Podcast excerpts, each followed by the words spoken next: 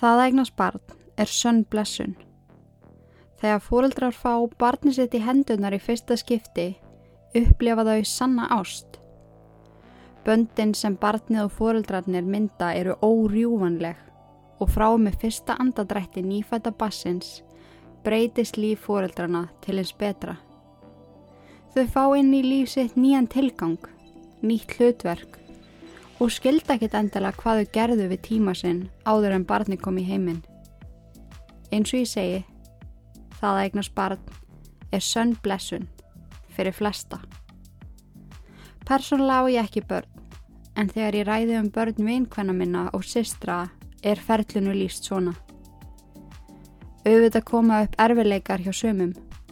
Mæður ná ekki að tengja spörnunum og tilfinningarnar sem koma í kjölfarið geta verið óbærilegar en flestar mæður eða feður sem upplifa þetta reyna sitt allra besta til að bæta úr ástandinu og fá hjálpina sem þau þurfa.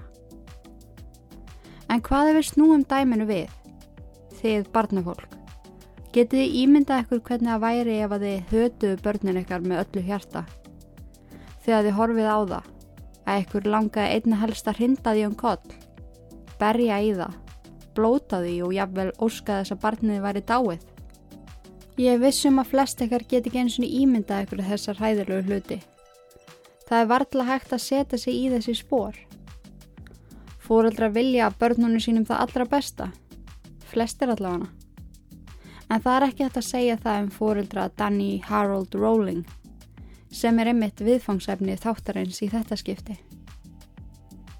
Frá því að móður hans varð ólegt af honum, hata honan Hún reyndi ítrekkað að enda meðgönguna með að slasa bumbuna eða drekka mikið magna á áfengi. Þegar barnið svo fættist og kom heilbreytt í heiminn, gerðu fóröldra hans allt sem í þeirra valdi stóð til þess að gera lífans af helviti. Og fyrst hann ratar í hlaðvarstáttin Ílverk, er líklegt að þessi drengur hafi orðið ólökku maður, sem fekk sig hann viðunöfnið The Gainesville Ripper.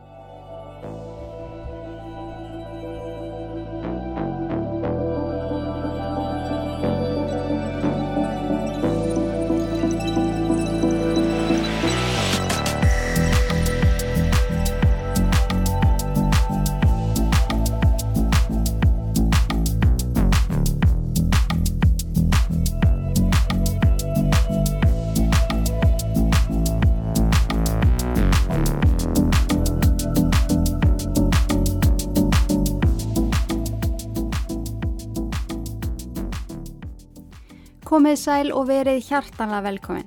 Ég vona að þessi hefur búin að hafa það mega gott og vil ég beðast afsökunar á því að hafa ekki komið út þáttur í síðustu viku. En svo ég sé alveg hinskilinn, þá var algjörlega allt keggs brjálað að gera hjá mér. En nú hefur Ílverk.is litið dagsins ljós, loksins. Ótrúlega mikil vinna og þólumæði fór í verkið, en nú er hún komin og ég er alveg ótrúlega stolt og ánægð. En þeir sem viti ekkert hvað er að tala um er ítverk.is heimasíða þar sem að hlustendur geta nálgast aukaefni frá mér. En ég mun halda áfram að gefa út fjóra fría þætti í mánuði, einn í viku. En ofan á það bætastu fjóri þættir sem eru í áskriftabakkanum inn á heimasíðinni. Þrýr þættir í fullri lengt og 1-2 kablar úr bókinu minni Ítverk. Þeir sem hafi beðið spenntir eftir nýjum kaplum geti gerst áskrifendur fyrir 990 krónur á mánuði. Ég legg allan minn metnað í áskrifstapakkan og ég er alveg ótrúlega þakklátt þeim sem að eru nú þegar búin að skrá sig og þeir sem að ætla að skrá sig. Þið eru að gera mig kleift að sinna þessu, svo takk, þið eru best. Áður við höldum áfram, uh, þá var ég að bæta þessu í handréttu mitt en ef að ég tala eitthvað skringilega í þessum þætti, þá beiti ég mig svo feitt í vöruna í dag að ég var við það að garga, þetta var svo vond ég var bara í makindu mínum í vinnunni að lappa, ég lappa svolítið hratt svona já, svona vanalega að lappa ég hratt með hausin og undan og ég er alltaf eitthvað að gera og græja og ég bara svoleiðis beiti vörun á mér og ég er svo bólgin þannig að ef ég er eitthvað svona skrítin þá, þá viti af því. Þannig að ég reynir mitt besta hérna. En já, ég mæli með því að einbit ykkur að því að lappa ekki, ekki bíti vörun á okkur. Sæl hvaða er ógeðslega vond að býti vörun á sér, reka litlu tóna í, fá papercut og Býta var eitthvað hitt en já, vittlösabeinið. Fá eitthvað augað. Oh my god, þetta eru allt svona hlutir sem að manni, sem að vorkinni sér svo mikið að upplefa þetta. ég vorkinni mér ótrúlega mikið. En ég held að við ættum bara að keira af stað í þátt dagsins. Ég heiti Inga Kristjáns og þetta er hlaðvarstátturinn Íllverk. Danny Rowling, betur þektur sem Gainesville Ripper, gerur þið svo vel.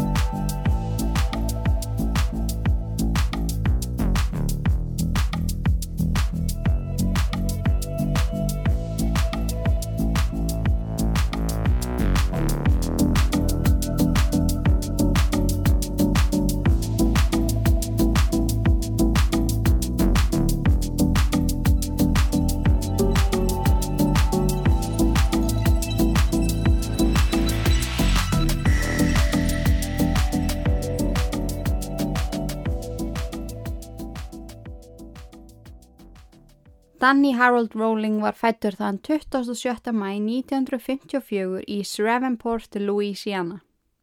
Fadur hans James Rowling var yfir laurugluþjótt og móður hans Claudia Rowling var heimavinnandi húsmóðir.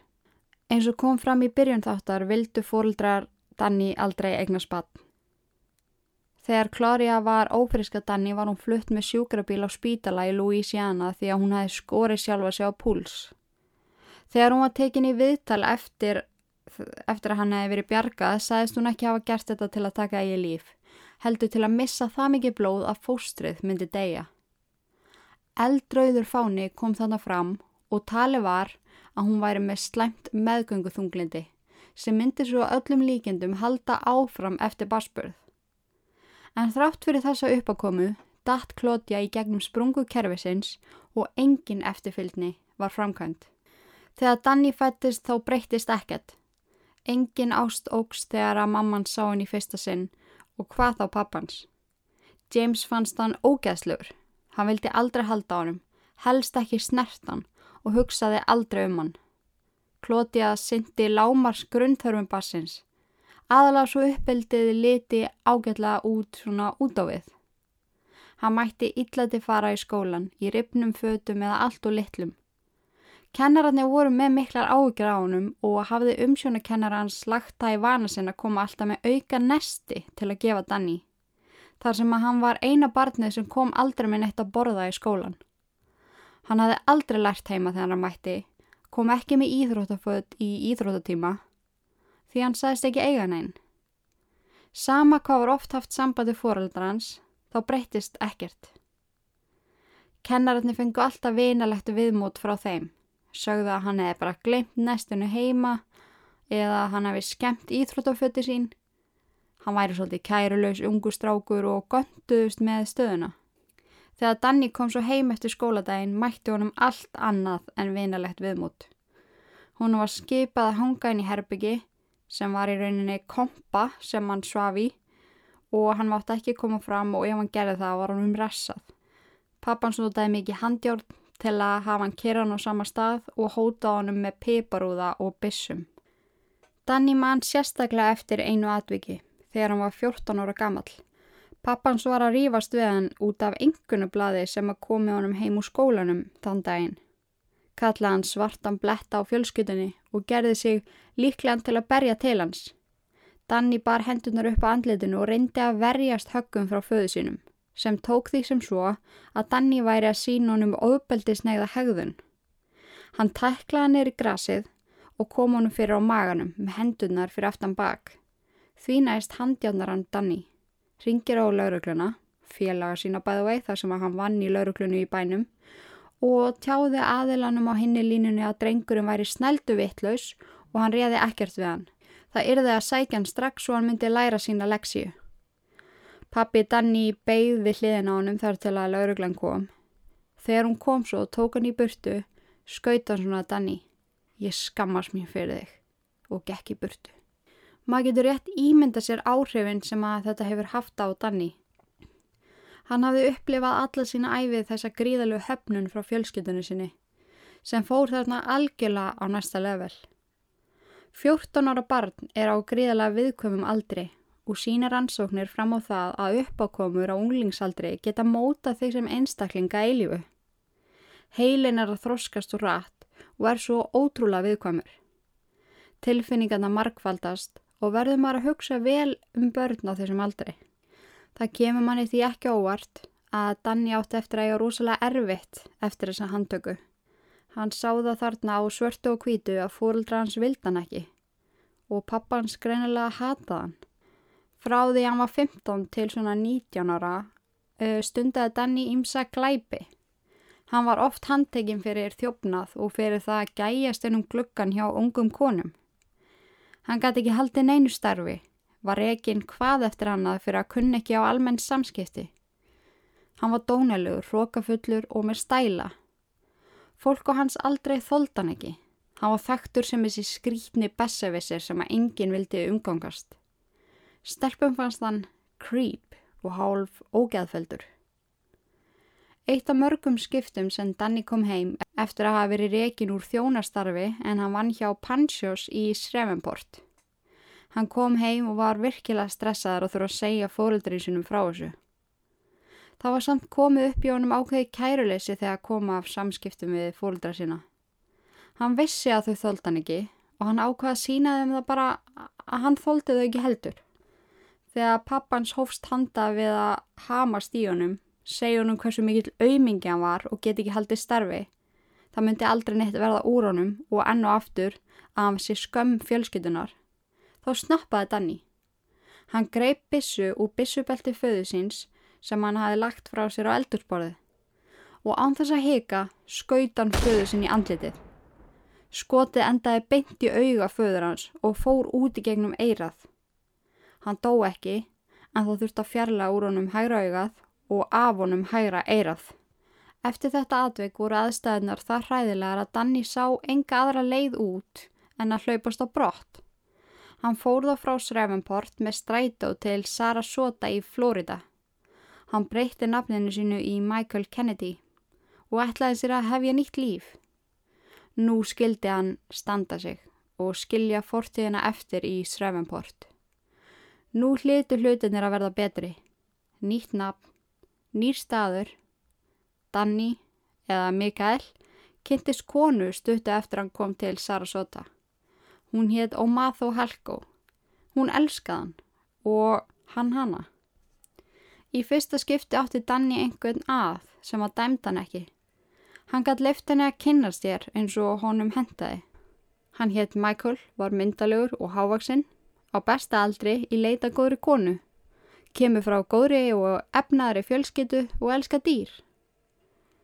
Henni fannst hann nokkuð heillandi og virtist framtíði nokkuð björnt. Hún var svo hamingjusum þegar hann baði hann um að gifta sér. Hann var svo romantískur og frábær. Allt er þið fullkomið. Ef hún fengi bara aldrei að vita hvað hann hefði upplifað alla sína æfi. Hún þurfti heldur ekkit að vita það. Eða það fannst Danni allavega. Í júli 1990 fekk Michael starf hjá hernum. Þar egnaðist hann hellinga vinum sem að lýsa honum sem yfirveguðum og skemmtilegum gaur. Hann egnaðist í fyrsta skipti félaga sem hann gætt hangið með á kvöldin. Hann var í fyrsta skipti hamingjusamur og spentur fyrir framhaldinu. Eitt kvöldi þegar Michael heitti félaga sína úr hernum var ekkur þeirra með síru og áfengi og bauðunum. Þetta var greinilega eitthvað sem þeir voru vanir að gera og datt hann í það ekki til huga að segja nei. Hann vildi falla í hópin, þótt hann þurfti að notast við fíknefni eða áfengi, en hann hafði í rauninni aldrei notast við hverju tvekja. Hann upplifiði þarna eitt besta kvöld æfisinnar. Áhrifin af sírunni og áfenginu í bland var geggjað. Tótt að morgunin eftir hafi verið ansi erfiður og þingan var svo hræðilega að hann var alveg óviss hvort hann myndi lifa þetta af. Hann náði samt þarna þetta kvöld að gleima öllu. Öll vanlíðan, öll skömm og þessi hræðilega höfnunatilfinning sem var eins og steitn í maganum á hann. Þetta kvarf allt saman. Þetta ætlaði hann klárlega að gera aftur reglulega sem oftast. En til að gera langarsögu stutta var Michael rekin úr hernum vegna ofneslu á síru og áfengi. Hann komst varðla daginn af án þess að fá sér. En það hefur komið fram setna meira að hann neytti síru daglega hundra daga í röð. Þrátt fyrir þetta bakslag giftist hann Ómathó en hann lög til um það af hverju hann var reygin. Eh, hann í rauninni sagði henni að hann hefði sjálfur hægt þar sem honum fannst þetta ekki í hendunum. Hann vildi fá stabíli vinnu þar sem hann geti bara mætt og farið svo á slæginu fimm. Svo hann geti verið meira með henni. Hún tók þessari ástæðu gildri og genguðu í heilagt hjónaband.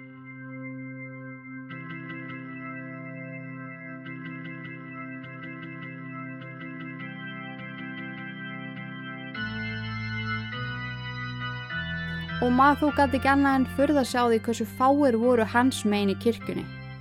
En hún kom úr stóri fjölskyttu sem nálegt fyllt í kirkjuna, á meðan það voru nokkra hræður og stánli sem komi frá hans leið. Hann sagði henni að fjölskyttan hans hefði ekki komist. Fóreldra hans væri svo veikir og gamlir. Eftir brúkaup náði Mikkel að eiga nokkuð venjilegt líf með nýju eiginkonni. Þau fluttu saman inn í fínasta parhús og syndu daglegu armstrei og maður þó vissi alveg að Michael var í skapmikið en hún kunni nokkuð vel á hann og vissi hvernig væri best að breðast við þegar hann tók sín reyðikost. Hann var mikill besefisir og hann vissi alltaf betur en allir og ef fólk var með aðra skoðin en hann þá átt hann til að snöggreðast. Og maður þó fann sér byrja að teipla æg meira á tánum í kringum nýja eigimannin. Þrem árum eftir að þau gifti sig sló Michael í fyrsta skipti til hennar. Henni var virkilega brúðið, þótt hún telti sér þekkja nokkuð vel, viss hún ekki alveg hvernig þetta bræðast við ofbeldi, sem er mjög skiljanlegt. Ofbeldi færðist í aukana og nær fjórum árum eftir brúðkaup var það orðið daglegt brauð að Michael beitti og maður einhvers konar andlegu og líkamlegu ofbeldi. Hún íkvæði alveg að fara frá honum, reyndi að mér að segja nokkur sinnum, en gugnaði svo. Hún hafði alltaf verið svo sterk og aldrei látið neitt vaða yfir sig í lífinu. Allt í einu let hún allt yfir sig ganga. Hún uppliði sig lamað á róta, fasta í þessu hjónabandi sem að var lönguhætt að veitinni nokkur ánægi og hamingu. Hún fekk svo algjörlega nóð þegar Michael hótaði drepana. Hann hljópa eftir henni út um allt hús, brjálaður á svipin og hótaði henni. Hún vissi að nú erði hún að komast í burtu, því ef hún gerði ekki, gæti það orðið og seint. Þessi maður átti bókamál eftir að drepa hann á endanum. Hún fórum meðan hann var í vinnunni og skildi eftir bref til hans.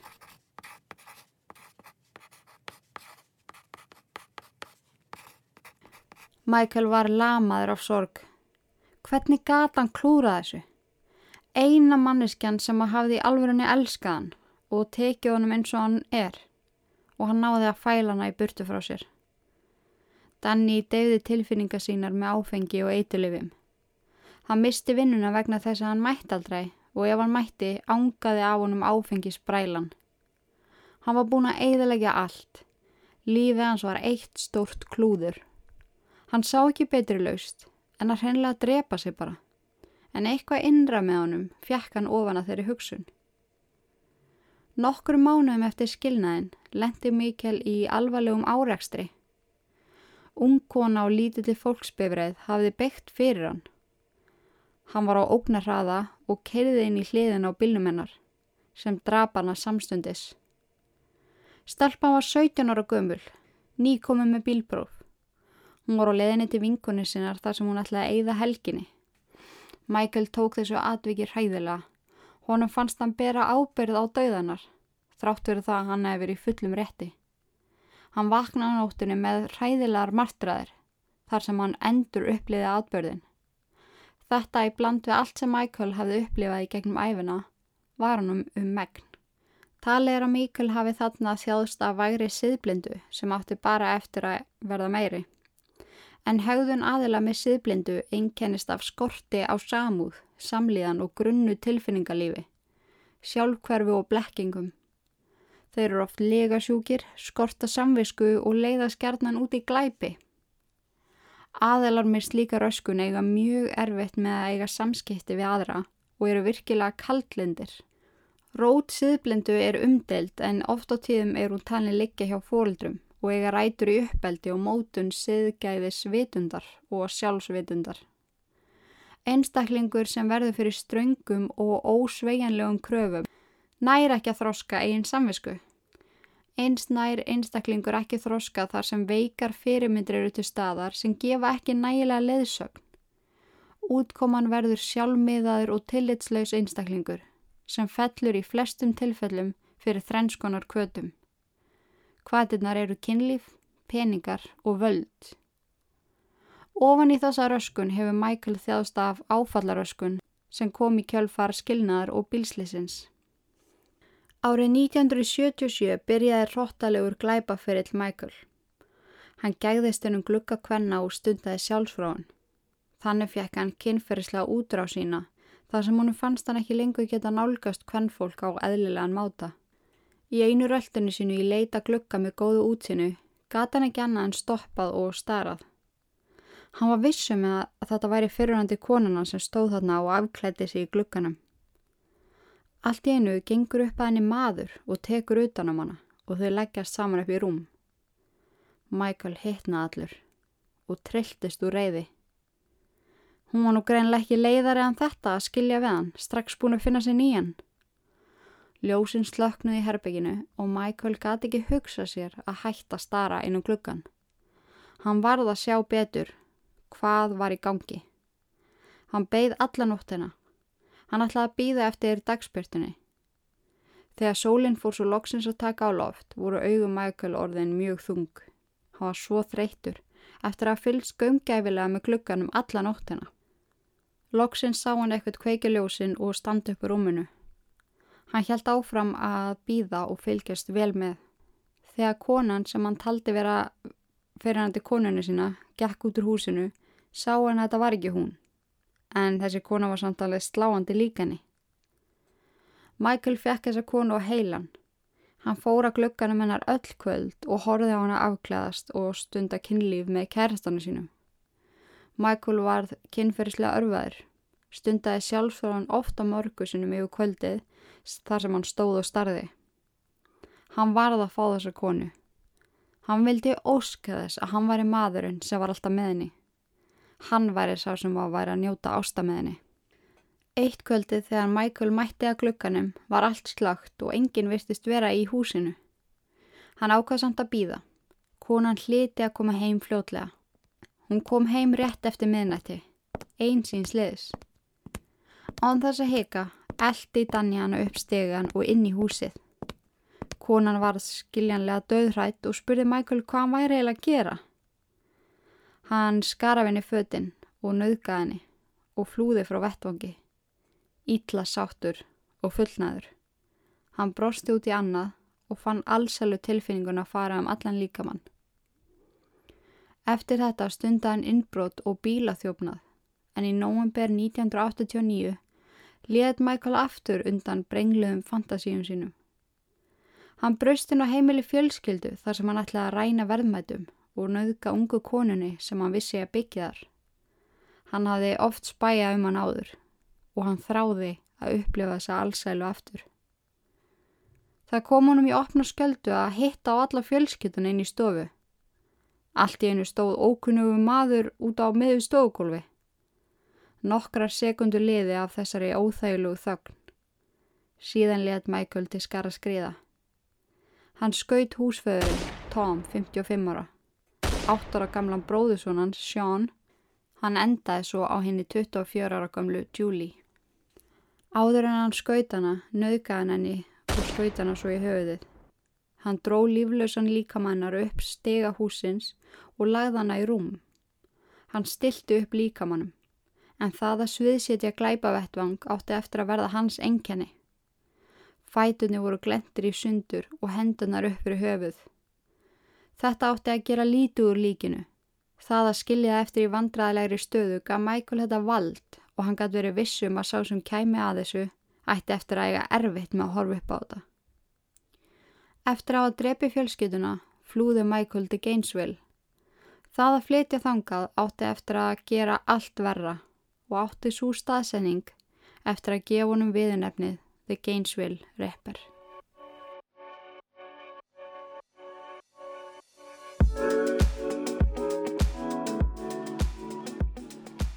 Við skulum halda áfram með sögu Michael. Nei, ok, getum við núna að kalla hann Danny. Ég er bara orðin illa ruggla á þessu. en við skulum heyra nokkur orð uh, frá styrtara eða þáttarins áður við höldum áfram.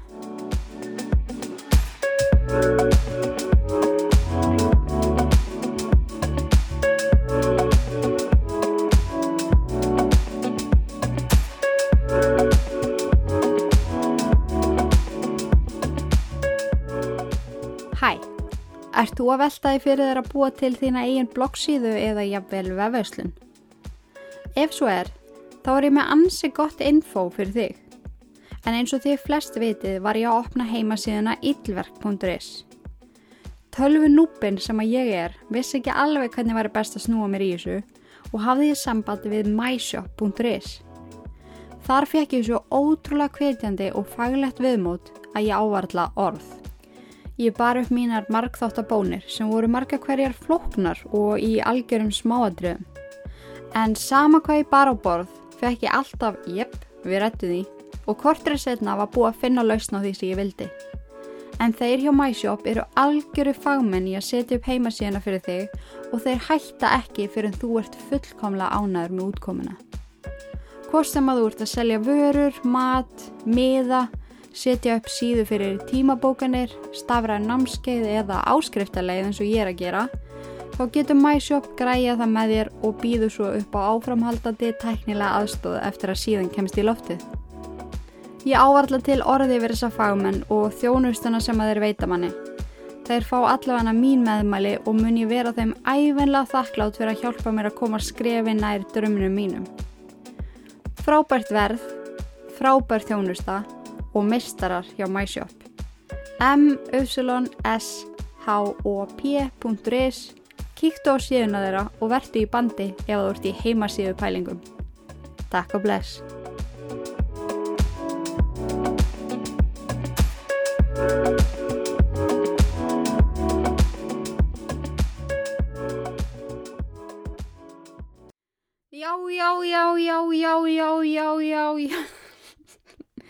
Verið hjartanlega velkomin tilbaka viðtækjanum kæru hlustendur. uh, ég var að prófa þetta upp alls podcasti mitt er tvíhjöði. Ég var að herma, herma eftir Sigurinn Kjartansinni. Mér finnst þetta alltaf svo cool þegar hann gerir þetta. Ég veit ekki hvernig þetta hljómar hjá mér. en því sem voru að pæla þá bara er ég enþá mjög bólkin á vörunni. Þið ángriðs eða hlustu vel. Ég ætti kannski ekki að vera að segja ykkur þetta þá hérna kannski tókuðu ekkert eftir því. En ef þið hlustu vel þá á ég mjög erfitt með að bera sum orð fram að því að vörun mín þvælist bara fyrir. En já, nógum vöruna mína og hvað ég orkinu með mér. en já, nógum vöruna mína. En svo höldum áfram með Danny. Þá var það þannig að snemma morguns, förstu daginn 24. ágúst 1990, braust hann inn í stúdendaýbúð þeirra Sonja Larsson og Kristínu Páel. Hann hafði seti um þær í langan tíma, fylst með ferðum þeirra og njörfaða niður hvenar þar fóru út á mornana og hvenar þar komu heim á kvöldin. Hann brauti blásinn á hörðinni og laumaðist inn. Hann kom að Kristínu á neðrihæðinni þar sem hún lág sofandi í sófanum. Sjóarpið var enþá í gangi. Hún hefði greinlega sopnað yfir því og lærdómsbækunar lágu um allt sófaborðið. Hann stóði yfir henni í smástund, horfið á hann að sofa. En hann vissi að það væri önnur kona sem byggja hann líka. Hún hlaut að vera á efrihæðinni.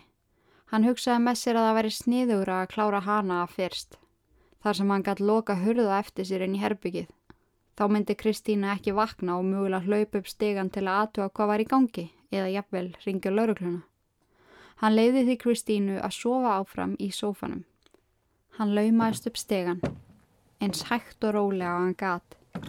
Hann gekk upp að rúmi Sonju þar sem hún lá í fasta svefni.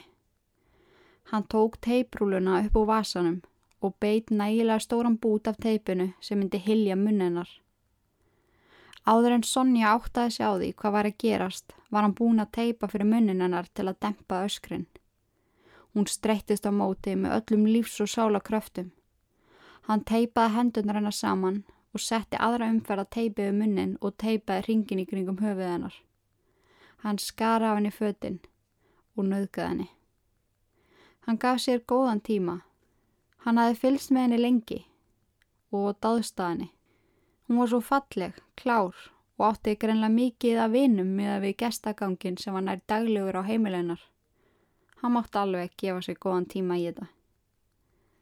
Þegar hann hafi lokið sér af, stakk hann hana, aftur og aftur, þar til hún hætti að streytast á móti.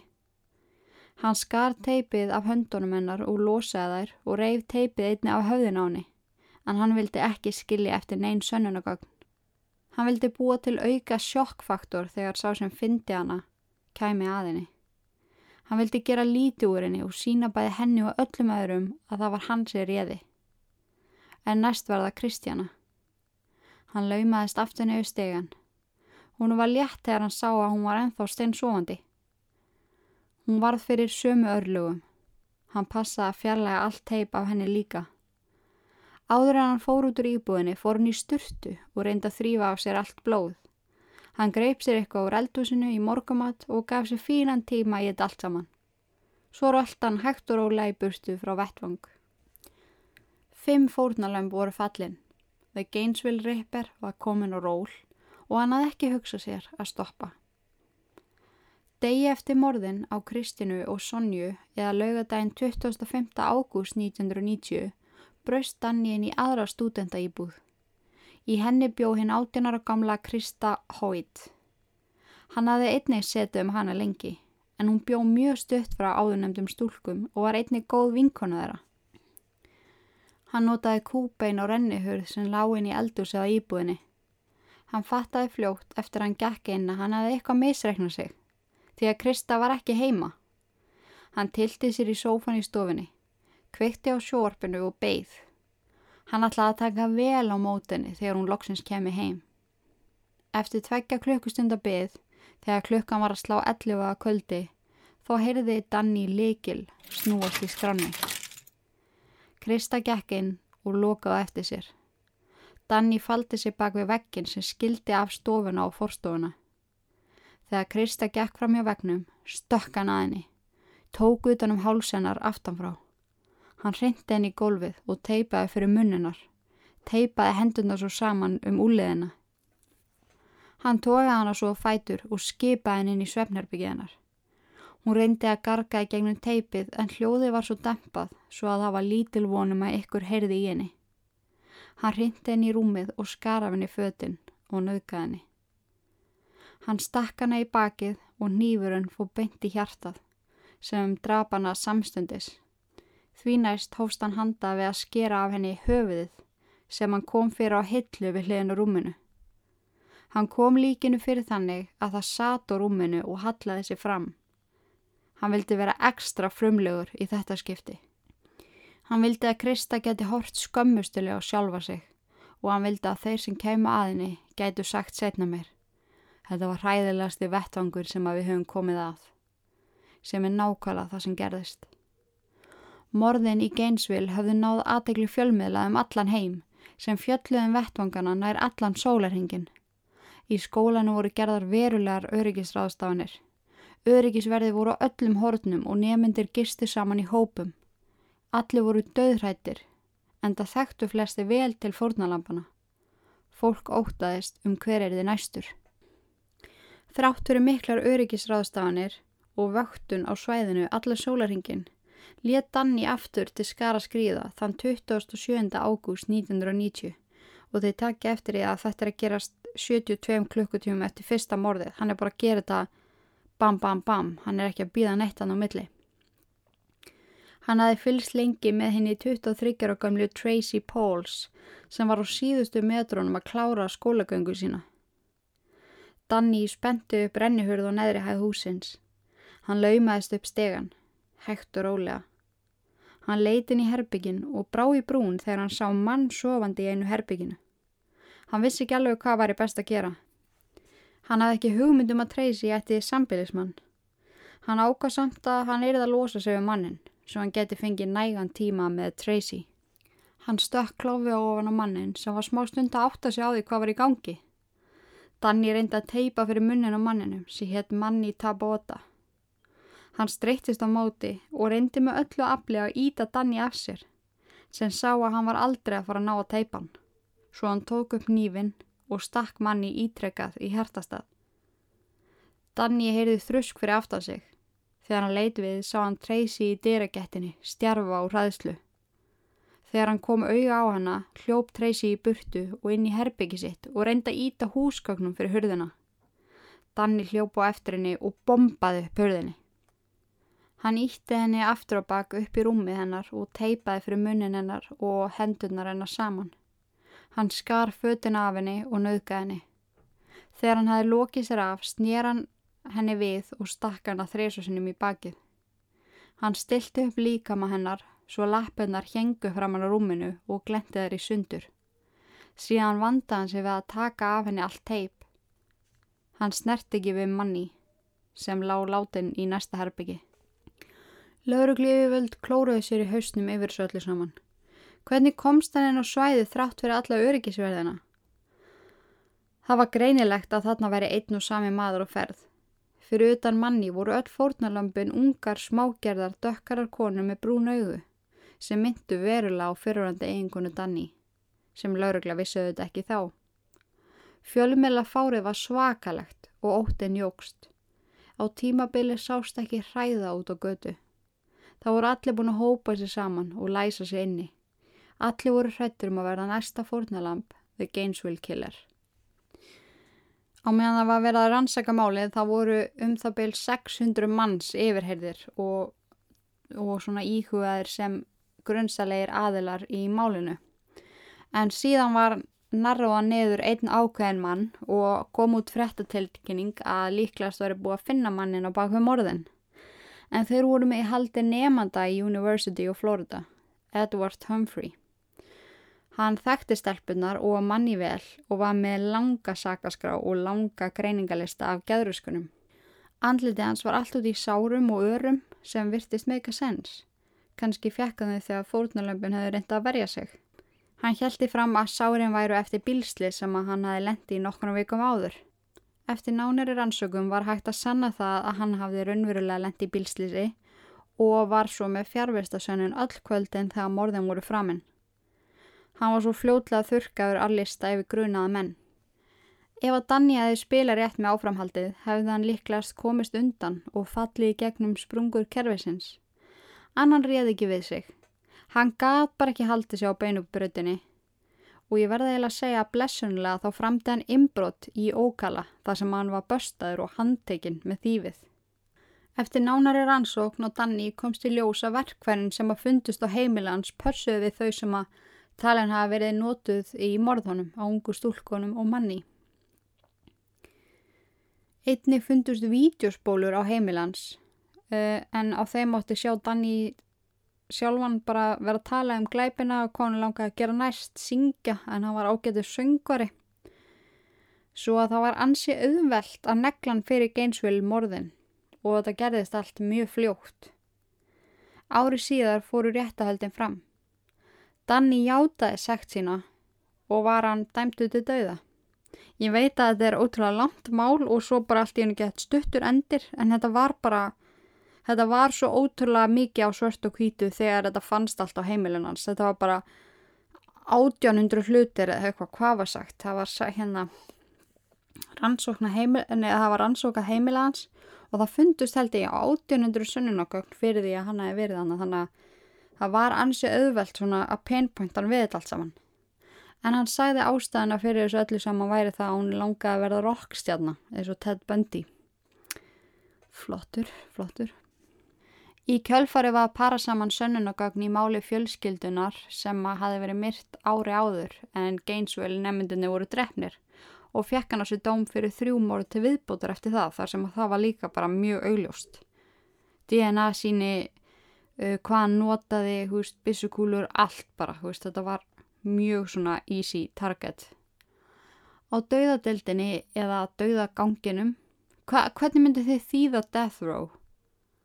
Ég held dauðadeildinni, dauðaganginum, ég veit ekki, þið meði segja mér það. En allavega á Death Row komu upp ímislega svona áhugaverð atvökk.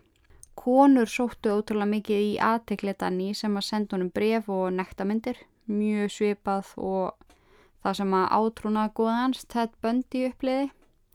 En það er viðkendur kynferðislegur kvilli ef að svo má orði komast að laðast kynferðislega af dæmdum glæbamönnum. En konur heitlast af þessum típum og finnst spennandi að vita til þess að þeir séu til allsi vísir. En það var eina ákveðin kona sem að heitlaði Danni alveg sérstaklega. Hún hafi fyrst samband við hann til þess að taka við hann viðtal vegna af bókar sem hún var að skrifa. Viðtali fór svo út í það að þau skrifuðu bókina saman um líf hans. En konin heitir Sondra London sem að þið hafi pottet mörg heyrt um. En hún var þekktur rétthundur í bandaríkjanum og var sérstaklega þekkt á þessum tíma fyrir að skrifa um glæbamenn og fjöldamorðingja. En hún var svo líka fræg fyrir það að enda á að trúlofa sig þessum manni. En hann hafi talið henni trúum að hann hefði verið heilaþvegin. Hann hefði verið þvingað til að játa. En í sannleika sagt væri hann saglaus maður sem ætti að dæma til dauða, sem var bara ekki réttlátt. En hún stóð þjættu baki á hannum, kom fram í viðtölum og sagði ofinberlega frá því hvað hann elska hann mikið og hvað hann væri góður og áhugaverðu maður. Sondra mætti miklum fordómum og varð fyrir virkilega miklu aðkasti eftir að hún og Danni trúluðust. En hann varði unnustu sína fram í rauðan döðan. Neitaði öllum viðtölum nemaðu færu í gegnum hana og nýtti hvert tækifari til að tala um hversu stórkursleg hún væri og hversu mikið hún væri búin að bæta lífans. Óh. En ástaræfintilið tók svo enda þegar Danny Rowling var tekin að lífi þann 25. oktober 2006 í Florida State fangelsinu. Hann kaus að segja engin loka orð en söng hins vegar gospellag á meðan hann kvatti hennan heim. Klukka 06.13 var líst yfir að Danny Rowling, The Gainesville Ripper, væri dáin.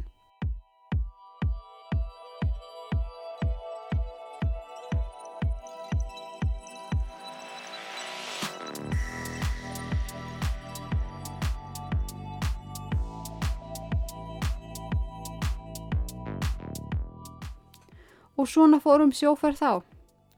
Þetta var ótrúlegt mál Danny Rowling.